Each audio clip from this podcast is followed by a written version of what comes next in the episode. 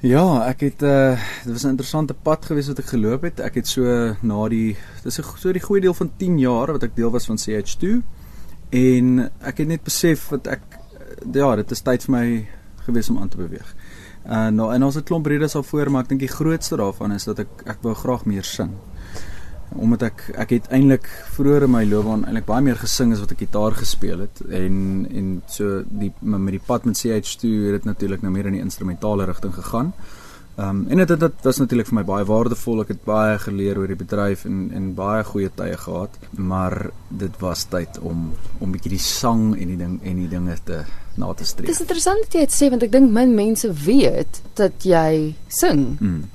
Ja, dit dit is eintlik so. Dit, dit en dis ek voel altyd jy weet ek probeer so 'n bietjie van 'n verrassingselement inbou in in my loopbaan en en waar ek gaan. So dit is nou my nuwe uh dit is dan nou die nuwe verrassingselement. Dis die feit dat ek sing. Ek dink vroeër met CH2 was dit so 'n bietjie van ja, hier stap twee ouetjies op die verhoog. Wat gaan hulle nou doen? En dan dan is daar 'n sekere energie wat dan oorkom.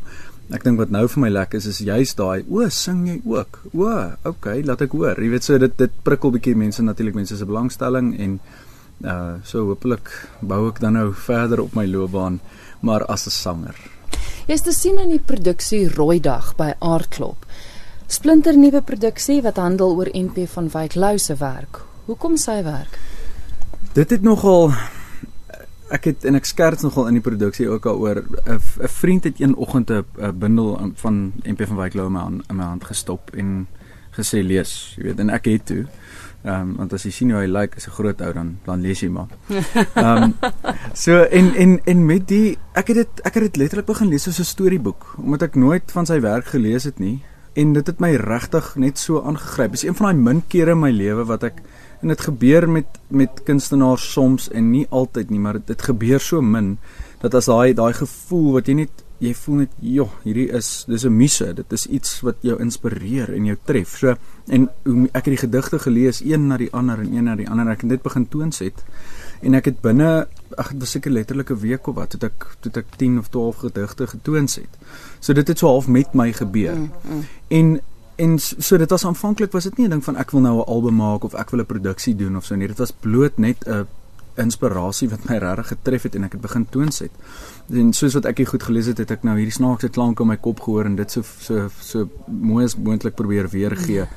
En natuurlik dan gaan 'n ou en jy begin lees oor die skrywer en ek het toe en ek ek het soveel as moontlik wat ek kan oor hom gelees en en dan gaan 'n ou dan lees jy natuurlik oor die ander goeie wat hy geskryf het ook en So ek het so 'n bietjie 'n uh, NP van Wyk Lou uh, groepie geword of so iets, jy weet, maar maar dit was ja, ek bedoel die goed wat hy geskryf het en en ek, ek sê ek wat nou vir my wonderlik is is nou ek kan 'n klomp van sy omdat ek dit gebruik van sy ehm um, prosa gedeeltes as bindingsteks in die in die produksie kan ek groot gedeeltes daarvan resiteer? So ek klink vreeslik slim op verhoog maar maar dit is werklik ook so dat ek dink regtig buiten die buiten sy kuns en buiten die mooi goed wat hy geskryf het is dit sy sy intellektuele nalatenskap wat wat my regtig nogal aangegryp het en en relevant bly.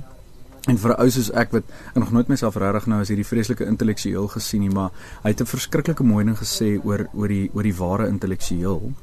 Hy sê die ware intellektueel is iemand wat wat dit tot lewensreël gemaak het om by elke saak redelik te dink, billik te oordeel, aarzelend te veroordeel en dan die mooiste in is en die, en die eie mening met 'n bietjie nederige selfkritiek te beskou.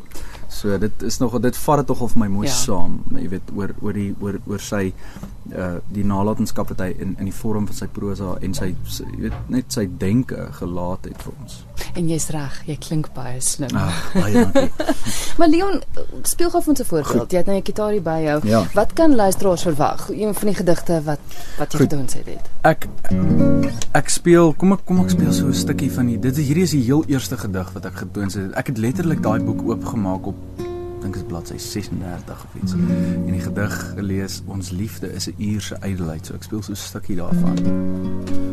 Ons liefde is 'n uur se ydelheid. Dis vlugtig soos die wit koms van die dag. As die wêreld oopgaan in die tyd Dis iets van songroen blare sing in lag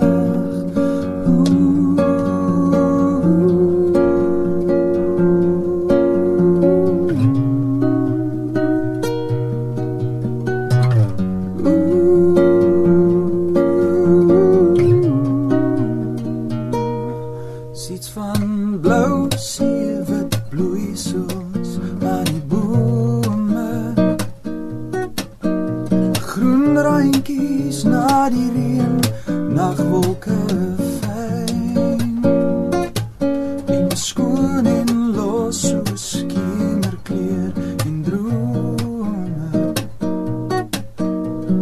Lig soos 'n druppel waar die son in skyn En dan gaan ek soos daai tipiese uitfade op die op die snippets waar jy hom net jy wil hom nog verder luister maar jy kan nie.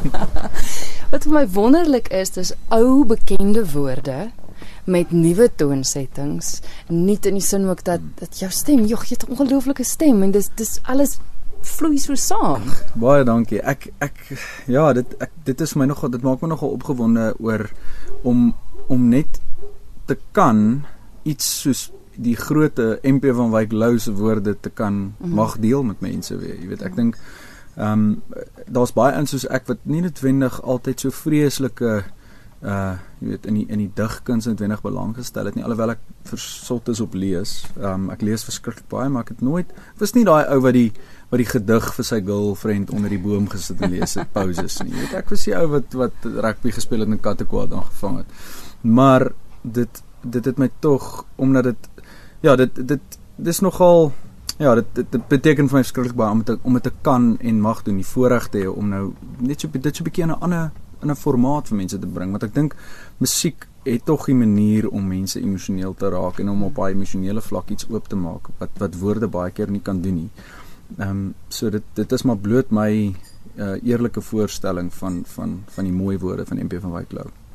Jy's nie alleen op die verhoog nie. Wie is saam met jou en uh... mm.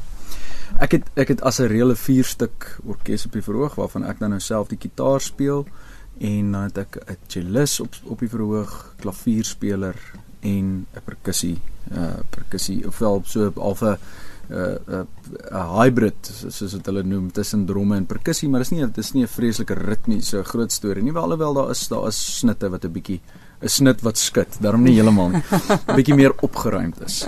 Ehm um, maar ja, so ek sou sê die die die die die akoestiese instrument is maar nog altyd vir my in my musiek is nogal iets wat ek altyd soek op my oor. So ek het spesifiek gegaan daarvoor om bietjie meer akoestiese instrumentasie te gebruik en op die album is dit dan nou ook dieselfde. Dis Leon Grop wat gesels oor sy produksie Rooidag wat te sien is by Aardklop. Maar jy is ook in 'n ander produksie, een van Anna Davel.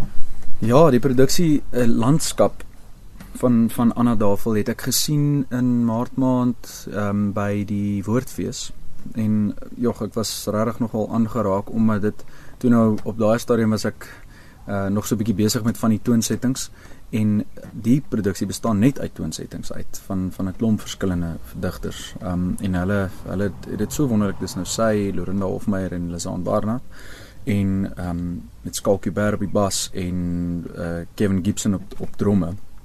En dit was vir my so aangrypend en Anna het toe intussen ook die regisseur geword van my produksie Rooidag. En toe het sy my eendag gevra of ek nie in hulle produksie of in landskapproduksie ook wil wees nie. So dis regtig vir my nog 'n eer om om daarin ook te kan wees. So ons ek speel so 'n bietjie gitaar en ek sing en en dis eintlik maar so 'n hele interverwewing van stories want Anna sing ook 'n lied op my album saam met my en ons doen die spesifieke toonsetting van die gedig ook in in in landskap. So ek sien nogal baie uit na daai produksie ook. Ek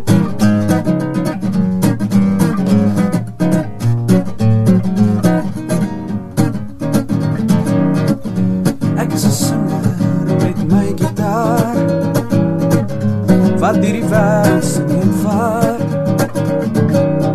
Voor menige venster in die skadu weer. Het ek gesien hier of twee. Ba, ba, ba, ba, ba, ba. Voor menige koning in sy goue saal.